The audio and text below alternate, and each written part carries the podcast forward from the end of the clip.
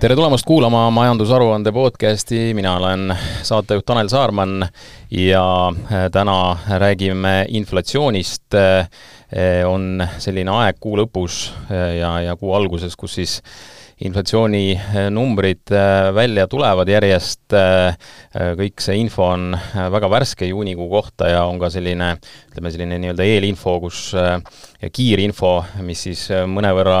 Eh, saab korrigeeritud eh, kuu alguses, aga aga kindlasti mingeid tendentse eh, need numbrid näitavad ja püüamegi neid niisuguseid numbreid ja natukene ka tulevikku siin vaadata Eesti Panga presidendi Madis Mülleriga, tere! tere hommikust! no toon siin välja ka mõned numbrid, mis on siis äh, kõlanud juba äh, ja, ja nii eile kui, kui täna siis äh, just suured riigid, Euroopa suurim majandus Saksamaa, ütleme e-, etteruttavalt, et sellised vastandlikud numbrid nad on, Saksamaa siis aastases võrdluses õigemini maikuus oli, oli nende äh, inflatsioon kuus koma kaheksa protsenti ja nüüd siis, ei vabandust, kuus koma kolm ja nüüd kuus koma kaheksa. Äh, Prantsusmaa ka kahtlemata Euroopa tähtsam, üks tähtsamaid riike, suuremaid majandusi, siis kuue protsendi pealt viie koma kolme peale, mis on siis teisi, teistpidi liikumine ja ja võib-olla sellise mõnevõrra üllatuse tegi Hispaania, kus siis kolme koma kahe pealt lausa alla selle maagilise kahe protsendi piiri ühe koma üheksa peale. Ja tegelikult siin äh, hommikul äh, vahetult enne, enne seda äh, podcasti on ka Eesti selline numbrid välja tulnud, kus siis üheteist koma kolme pealt kaheksa koma üheksale on siis see kiirhinnangu tulemus ja kuust kuusse võrdlus null koma kaheksa, Madis Müller, mida me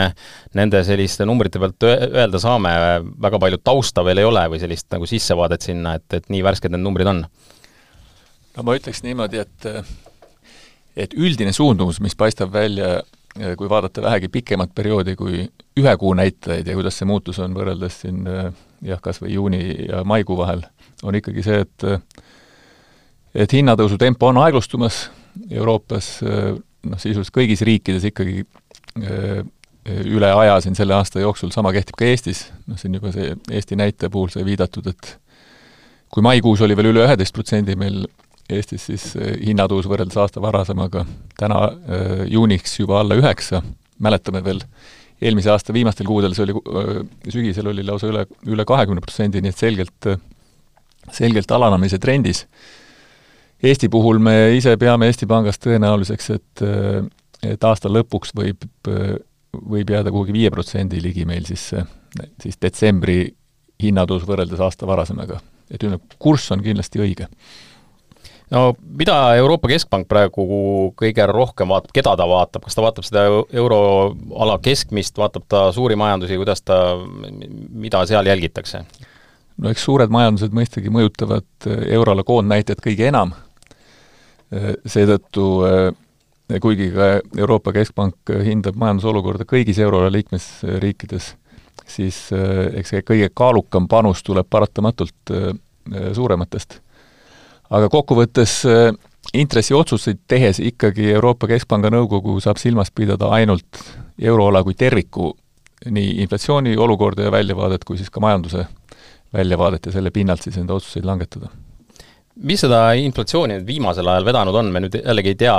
praegu neid äh, väga sinna sisse, mis on see juunikuu äh, seis või, või, või kus, kus see kõige rohkem, võib-olla seal on noh, mingit turismi osa kindlasti juba suvekuudel kindlasti ka sees ja nii edasi ja nii edasi, aga, aga ma mõtlen äh, noh, laiemas plaanis on see, on see nagu palgatõusu teema, ma olen seda pannud tähele, et see, see kuidagi on, on nii Eesti Pangal kui Euroopa Keskpangal kuidagi hingel, et, et, et palgatõusud on sellised, mis mis seda ka nagu oluliselt mõjutavad, aga no üldiselt võib öelda, et kui eelmisel aastal äh, põhiline siis, äh, põhiline siis hinnatõusu vedaja oli, äh, oli energia hinna kallinemine, siis nüüd see, see, see on selgelt pöördunud, energiahinnad on langenud, pigem siis isegi võib öelda, et energia on see, mis siis on nagu negatiivse panusega ja koondnäitajat alla toob. mis küll jätkuvalt veel panustab hinnatõusu, on, on toidu kallinemine seda nii Eestis kui ka teistes riikides. ka see peaks siiski järk-järgult nüüd äh, välja taanduma, me teame juba, et maailmaturul mitmed toidutoormete hinnad on ka juba lang-, langenud. ja mis siis järele jääb, ongi tegelikult siis noh, kõik, kõik muud kaubad ja teenused, mille puhul siis kui küsida, et mis omakorda näiteks nende teenuste hindasid kõrgemale viib, siis mis siin salata, see, et euroalal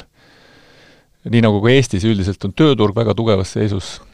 tööpuudus madal, palgad kasvavad suhteliselt kiiresti ja palgakulusid ikkagi ettevõtjad lõpuks reeglina kannavad edasi ka oma, oma teenuste ja kaupade hindadesse, siis tõsi on see, et, et noh, näiteks kiire palgatõus on ka üks, üks siis jätkuv panustaja siis ka hindade tõusule. aga mis see nagu soovitused või, või, või, või mingisugused sellised noh, on need siis ettevõtetele, saab siin mingeid soovitusi anda, et, et tead, sellega mina olen ausalt öeldes väga ettevaatlik, ma tean, et mõned pealkirjad on tehtud justkui mina soovitaksin ettevõtjatel olla tagasihoidlikud palkade tõstmisega, no ma arvan, et see tegelikult ei ole minu ega Keskpanga asi mm. -hmm. selliseid soovitusi anda, puutud, puudutagu see kas hi-, üksikute hindade tõstmist ettevõtetel või siis ka palkade tõusu et seda kõike ikkagi lõpuks määrab äh, turuolukord, ma mõistan, et üks ettevõtja oma, oma kaupade ja teenuste eest küsib ikkagi nii palju hindu, kui, hinda, kui kliendid on nõus maksma ja see on täiesti loogiline, ja samuti tööturul. see, kui on äh, tööpuudus madal, äh, inimesi raske leida uusi ja ka olemasolevat vaja, olemasolevaid inimesi vaja, vaja motiveerida, eriti olukorras, kus hinnad on ka kiiresti tõusnud, siis on täiesti loomulik, et seal on surve surve ka palkade tõusuks ja see on lihtsalt objektiivne olukord äh, tulenevalt majanduse ja tööturu hetkeseisust. et seetõttu mina, ma ei taha anda äh, ettevõtjatele soovitusi, eks igaüks ise oskab enda ettevõtte ja, ja majandusharu olukorda kõige paremini hinnata, aga no üldiselt, mida see tähendab, et kui on hinnatõusu surved äh, tugevad, siis äh, siis Keskpank selleks, et saaks ikkagi hinnatõusu siis taas kontrolli alla ja lähemale sinna kahe protsendi eesmärgile, äh, peab äh, vastavalt siis enda poliitikat sättima, sisuliselt tähendab see siis intressimäärade tõstmist, mida me juba oleme teadupärast ju päris palju teinud. Ja, ja no teisalt saab ka valitsus enda eelkõige siis eelarvepoliitikaga majanduses sellist üldist nõudlust ja aktiivsust mõjutada ja seekaudu siis ka hinnasurveid kas, kas rohkemaks või vähemaks äh, mõjutada mm. -hmm no rääkideski sellest äh, intressitõusudest, siis, siis ma saan aru, et noh, kaks leeri äh, keskpankurite sees on ja, ja võib-olla see joon, ma ei tea, te võite mind parandada, kui ma eksin, aga et on niisugune Lõuna-Euroopa ja ja siis, siis ülejäänud või noh, et kui, kui suured need leerid on, aga igastahes seal Itaalias on aina enam kosta sellist äh, noh, et ärme, ärme nüüd enam tee ja ärme rohkem tõsta ja ja päris valus on juba ja kindlasti on ka nende elanikel äh, noh, tulemas ka sealt survet, et, et kuidas see praegu tundub, et, et siiani on, on ikkagi neid intressitõuse tehtud, et kas see lõunaeurooplaste hääl mingil hetkel võib, võib kuidagi peale jääda ka, et no kui ma vaatan Euroopa Keskpanga nõukogus, kuidas meil need arutelud äh, tavaliselt kujunevad äh, ja otsused, siis ma võin öelda küll, et seni on ikkagi üsna üksmeelne see arusaamine olnud Euroopa Keskpanga nõukogus, et et olukorras, kus hinnatõus on nii kiire tõesti, nagu me täna, täna seda näeme, euroalal tervikuna veel maikuus ka üle kuue protsendi ja see langemise trend ikkagi piisavalt, piisavalt aeglane, et siis äh, tõesti on Keskpanga jaoks äh, väga loogiline intressimäärasid äh, tõsta. nüüd, kui me oleme jõudnud juba järjest kõrgemate intressimääradeni, ma arvan, et on, on ka arusaadav, et täiesti mõistlikel inimestel võib juba tekkida erinevaid arvamusi, et kui palju veel on vaja. Aga, aga praegu siiski nüüd näiteks juuni Äh, siis keskel, kui oli viimane Euroopa Keskpanga nõukogu istung, siis äh, seejärel äh, ikkagi oli ka üsna selge arusaamine, et ise, et kui me ka juunikuus tõstsime intressimäärasid, tõenäoliselt üks null koma kahekümne viie protsendine intressimäära tõus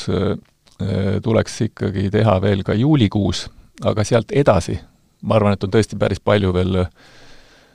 lahtist, et kas siis Äh, pärast augustikuist pausi, kui nüüd septembrikuus taas Euroopa Keskpanga nõukogu koguneb, et kas siis uus vahe, vahepeal saabunud majandusnäitajad, inflatsiooni ja muu, äh, muu siis majanduse äh, käekäigu kohta et kas need siis annavad põhjust veel intressimäärasid tõsta või mitte, ma arvan, et seal on tõesti, võib minna mõlemat pidi mm. -hmm. no mis täna keskpankurid üldiselt nagu üllatav või, või, või, või mis on noh, on miski, mis, mis kuidagi tekitab sellist, ongi nagu peavalu või üllatusi, et et noh, oleme teinud küll, aga, aga päris nii ei ole läinud või, või? ühelt poolt see, et et inf-, inflatsiooni koondnäitaja on aeglustumas, see võib öelda, on ootuspärane olukorras, kus siis see energia, energiašokk on, on meist mööda läinud, toidutoormed kas taas ka maailmaturul pisut odavnemas, aga mis võib-olla on üllatav olnud, on tõesti see, et et täna, mil majandusolukord Euroopas tervikuna ei ole ju teab mis hea, seda me tajume ka Eestis, siis samal ajal ikkagi tööturg on on väga tugevas seisus, mis muidugi, muidugi on samal ajal, see ongi positiivne ka ka inimeste vaatenurgast, kellel, kellel töökohad säilivad, sissetulek säilib, sissetulekud ka kasvavad, viimastel kuudel, kvartalitel tegelikult on ka näha, et, et sissetulekute kasv keskmiselt on ka kiirem kui kui siis hinnatõus vähemalt eelmiste kuudega võrreldes, kui me ei võta seda aasta, aastapikkust vaadet, ehk et tasapisi on ka äh, ostujõud inimestel äh, pärast seda eelmise aasta hinnatõusu šokki äh, taastumas. Äh, et see, võib-olla see on jah üllatav, et esiteks, et kui, kui tugev on püsinud tööturu olukord, sellest tulenevalt, kui kiire palgatõus ja, ja võib-olla taas sellega ka pisut seotult on, on, on vast üllatav see, et, et see nii-öelda alusinflatsiooni näitaja, mis jätab kõrvale energia- ja toiduhinnad ja rohkem peegeldab sellist püsivamaid hinnasurveid, et see on tõesti niivõrd visalt äh, euroalal aeglustumas, ka täna on siis üle, see niimoodi alusinflatsioon on üle, üle viie protsendi ja see on, see on see, mida ühelt poolt Keskpank oma intressimäära tõusudega eelkõige mõjutada soovib ja, ja noh, pigem siis nagu halb uudis on see, et see, et see näitaja nii aeglaselt on alla tulemas mm. -hmm. no üks asi, millest äh, on tegelikult päris palju räägitud ja, ja, ja just viimasel ajal ka on, on see ahnusinflatsioon, mida sellest äh, rääkida saab, äh, noh, on öeldud, et, et, et lausa, et see on üks väga oluline tegur kogu selles inflatsiooni kujunemisel, et, et mida, mida keskpankur näeb seda? no siin on viide sellele, et eelmisel aastal samal ajal, kui kui siis hinnad, hinnad äh, tõusid ühelt poolt äh, energia ja muude toormete kallinemise tõttu, et siis äh, noh, tegelikult ettevõtete kasumid jätkasid samuti kasvu, ehk kogu, et su-, et suuresti selle ostujõu löögi võtsid enda kanda ikka, enda kanda tarbijad ja keskmisena ettevõtjad või ettevõtted siis oma kasumi mõttes ei kannatanud Äh, võib-olla mõne, mõni isegi suutis oma marginaali kasumit äh, ootamatult paljugi kasvatada. No kas seda nüüd pidada äh, ahnuseks, see on, ma arvan, see on nagu kahe otsaga asi, et minu, minu arvates jällegi on loogiline, et kui kui majandusolukord on selline ja nõudlus niivõrd tugev, mis võimaldab ettevõtjatel kogu enda siis sisendhindade surve müügihindadesse edasi kanda, see on täiesti loogiline käitumine ettevõtja poolt. Eestis me samuti teame, et et eelmisel aastal noh, sisuliselt kogu, kogu hinnatõusu, vähemalt aasta esimeses pooles oli näha, siis tarbijad suutsid vastu võtta ilma oma tarbimisharjumusi praktiliselt muutmata, ehk tarbiti kõiki kaupu-teenuseid samamoodi edasi, lihtsalt olles valmis selle eest rohkem maksma. tänaseks on see küll muutunud Äh, aga selle taustal oli, oligi see, et inimestel oli, oli ühelt poolt veel kasutada äh, pandeemia ajal tekkinud täiendavaid sääste, kuna tol hetkel ei olnud võimalik näiteks reisimisele ja paljudele teenustele raha äh, kulutada ja inimeste säästupuhvrid kasvasid. ja, ja sam-, lisaks Eestis veel ka teisest pensionisambast võeti raha välja, mis tekitas veel võimaluse siis täiendavalt tarbida. ja noh, tegelikult sarnane, sarnane oli see olukord ka euroalal tervikuna, kus samuti säästud inimestel eh, pandeemia järel olid palju suuremad, mis tekitas võimaluse siis ka selle sisendkulude eh, kasvu eh, kasvu hindadesse üle kanda, ilma et tarbijad oleksid liialt ehmunud ja ei oleks suutnud neid hindu, hindu maksta. no mulle tundub, et tänaseks on, on olukord natukene muutunud ja, ja sellist võimekust nii palju hindu tõsta ettevõtjatel enam ei pruugi olla. ja, ja, ja vast see trend ka nüüd mõnevõrra pöördub, ehk et kui palgatõusu surve jätkub, siis ma arvan, et see võib tulla ette vaadates ka suuresti juba ettevõtete kasumite arvelt. jah, eks need põhje, põhjused ole ka ära kadunud, et enam ei saa öelda, et energiakulud suurenevad ja, ja, ja, ja ka toormed, et ja, ja kogu see logistiline pool ka, mis siin, mis siin aastaid on olnud peavaluks, et, et selles mõttes see, see veel ka lisaks, et, et põhjendusi on, on raske leida ehk. Nüüd ähm, üks asi see, et ettevõtetele jah, ei, ei, ei taha kindlasti te öelda, et mida nad tegema peavad, küll aga kui me vaatame neid valitsuse erinevaid otsuseid, noh, nii mõndagi ei ole veel teada, eks ole, automaksu puhul ei ole vaata et üldse teada, mis, mis see tulema saab, aga, aga, aga mida seal võiks nagu öelda, mida, mida peaks jälgima, mida kindlasti ei tohiks teha näiteks, et, et saab siin mingeid näpunäiteid anda või noh, valis-, valitsuse puhul e-, me saame rääkida sellisest eelarve, riigieelarve üldisest seisust ja mõjust ka siis majanduse käekäigule. Et kuigi, kuigi võib öelda, et Eesti majandus täna ei ole kuigi heas seisus, noh võib öelda, et meil on olnud mitu kvartalit väike majanduslangus, sõltuvalt sektorist on, on olukord suhteliselt erinev, eksportival tööstusel on, on kõige, kõige keerulisem see, see hetkeseis, kui mõelda majandusharusid. aga samas tervikuna just ka pidades silmas seda tööturu tugevat seisu, inimeste jätkuvat sissetulekute kasvu, et ei saa öelda, et meil oleks ka täna sügav majanduskriis, mis nõuab eriti tugevat siis äh, tuge valitsuse poolt veel läbi, läbi eelarvepoliitika. et seda silmas pidades, noh, mulle tundub, on õige see valitsuse suund, mis on nüüd võetud sellele, et, et eelarve tulusid ja kulusid paremini tasakaalu saada, eks see on poliitiliste valikute küsimus, et kui palju suuta kulusid kärpida ja kui palju ja, ja milliseid siis äh, makse tulude suurendamiseks äh, äh, siis tõsta. aga, aga see, et püüda parem, paremini tasakaalus tulude ja kulude suunas vähemalt liikuda olukorras, kus meil täna see miinus on, on tõesti päris suur, see tundub mulle, tundub mulle igati mõistlik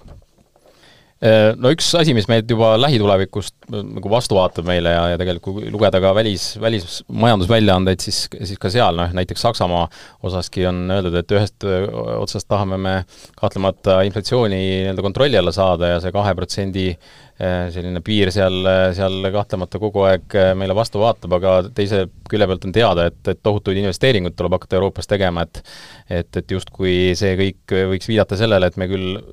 võitleme inflatsiooni vastu, aga samal ajal teame, et, et, et varsti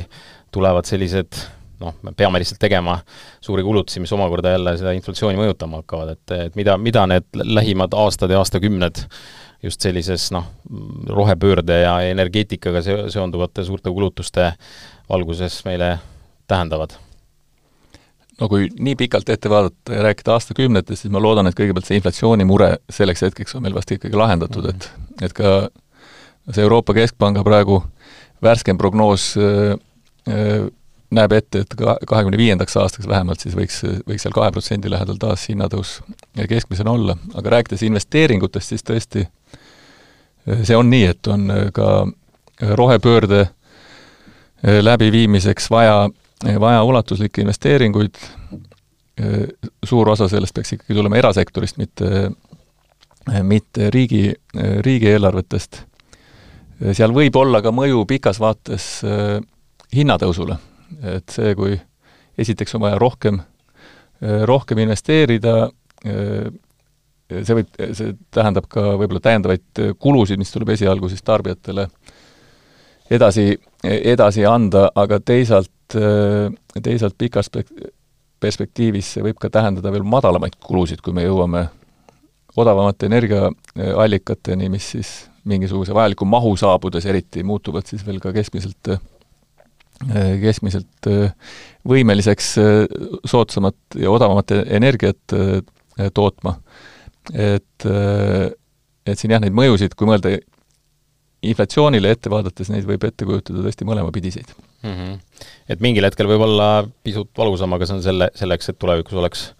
oleks äh, olukord, äh, olukord äh, parem. nüüd, kui ähm, turg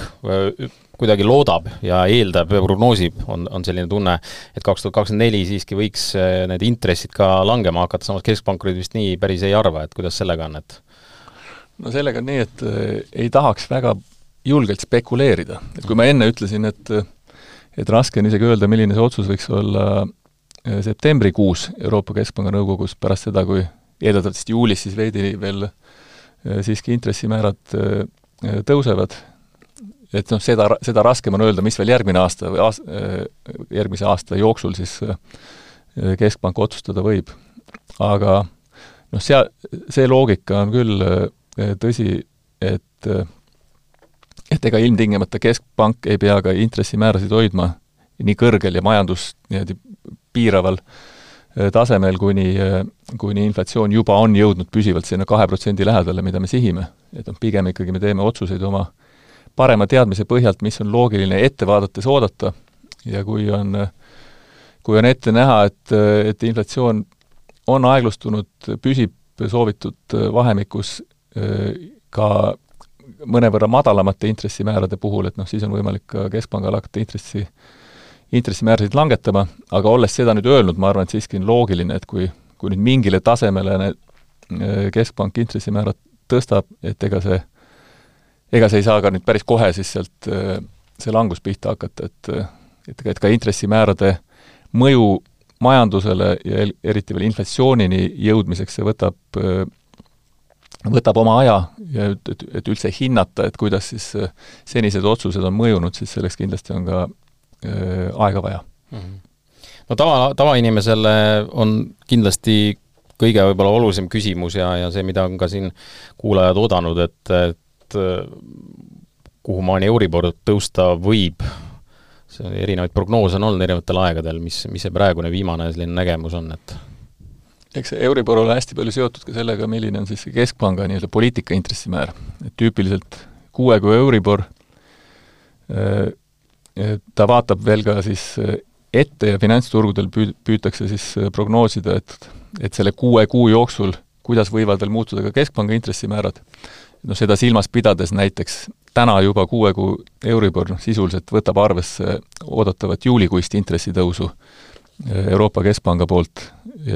täna näiteks vaatasin, kuue kuu Euribor on pisut üle kolme koma üheksa protsendi, samal ajal kui see meie kõige tähtsam keskpanga nii-öelda poliitika intressimäär on kolm koma viis. Sel hetkel, kui turud enam ei oota, et me edasi intressimäärasid tõstame, siis ka vahe selle keskpanga intressimäära ja Euribori vahel eeldatavasti väheneb. Aga, aga ju ta ühesõnaga, kuna ma ei tahtnud prognoosida keskpanga intressimäära, siis on mul raske ka Euribori prognoosida, aga, aga aga eks seda võib siis äh, lihtsalt järeldada eelnevast, et ju ta sinna nelja, nelja protsendi peale kuhugile võiks eeldatavasti vähemalt jõuda mm. -hmm üldiselt ikkagi vaadates nagu tõesti kas või sääste, ütleme, raha pangaarvel, selline hea konkreetne näite, see on nagu kasvutrendis, see teeb iga kuu nüüd jälle uusi rekordeid, et me isegi noh, ütleme, kui me rääkisime koroona ajal, inimesed säästsid ja panid kõrvale, siis, siis tegelikult praegune aeg on, on vaata, et numbrid on suuremadki, et ja inimesed tundub, et on, on selle uue olukorraga noh, kenasti nagu ära harjunud, et, et, et, et need hinnatõusud on noh, nagu te ütlesite ka, et, et võib-olla nüüd praegu enam hinnatõuse vastu ei võetaks nii lihtsalt, aga, aga siiski, et üldiselt, üldiselt on seis selline, et, et inimesed on hakkama saanud, ettevõtjad on hakkama saanud ja ja, ja, ja, ja selles mõttes noh, võib, võib nagu rahul olla no eks see pilt kõigepealt ettevõtetest rääkides on kindlasti väga erinev sõltuvalt äh, majandusharudest, inimeste puhul samuti. Noh, kuigi võib öelda, et ollakse hakkama saanud, saadud ka nende kõrgemate intressimäärade laen-, puhul siis laenu tagasimaksetega, probleemseid laene tõesti pankadel, mida kliendid ei maksa tagasi, on väga vähe, siis noh, samal ajal selge on see, et ega ei ole lihtne. Paljudel, eriti kes on siis võtnud näiteks aasta aega tagasi suhteliselt suure eluasemelaenu, siis nende puhul võib olla see kuumakse suurenemine tõesti väga, väga tuntav. Aga tervikuna no me näeme küll, et ka jae, jaemüügi siis numbrid on võtnud suuna, suuna allapoole, meil olid ka vä-, ka, ka nende suurte kogunenud säästude toel olid eelmise, oli eelmise aasta see jaemüügi kasv ka väga, väga hoogne, mistõttu nüüd võib öelda, oleme tagasi sellise mõistliku võib-olla trendijoone peal. aga kokkuvõttes ka, et küsida, et et kas on täna ettevõtetel või inimestel raske või saame kõigega hakkama, ma arvan, et ühelt poolt noh, kindlasti on suhteliselt keeruline olukord, sõltub hästi palju inimesest või või ettevõttest, aga ma arvan, et ikkagi ette vaadates palju hullem oleks, kui me ei saaks äh, hinnatõusu, seda kiiret hinnatõusu murtud nii-öelda. sest kui me mõtleme ka ühe tüüpilise äh, perekonna või ka ettevõtte planeerimise, tegevuse planeerimise seisukohast, siis äh, üldine kiire hinnatõus ikkagi on palju suurem probleem kui, äh, kui siis intressimäärade tõus, mis keskmiselt ühte pere-eelarvet või ka ettevõtet äh, mõjutab ikkagi mõnevõrra vähem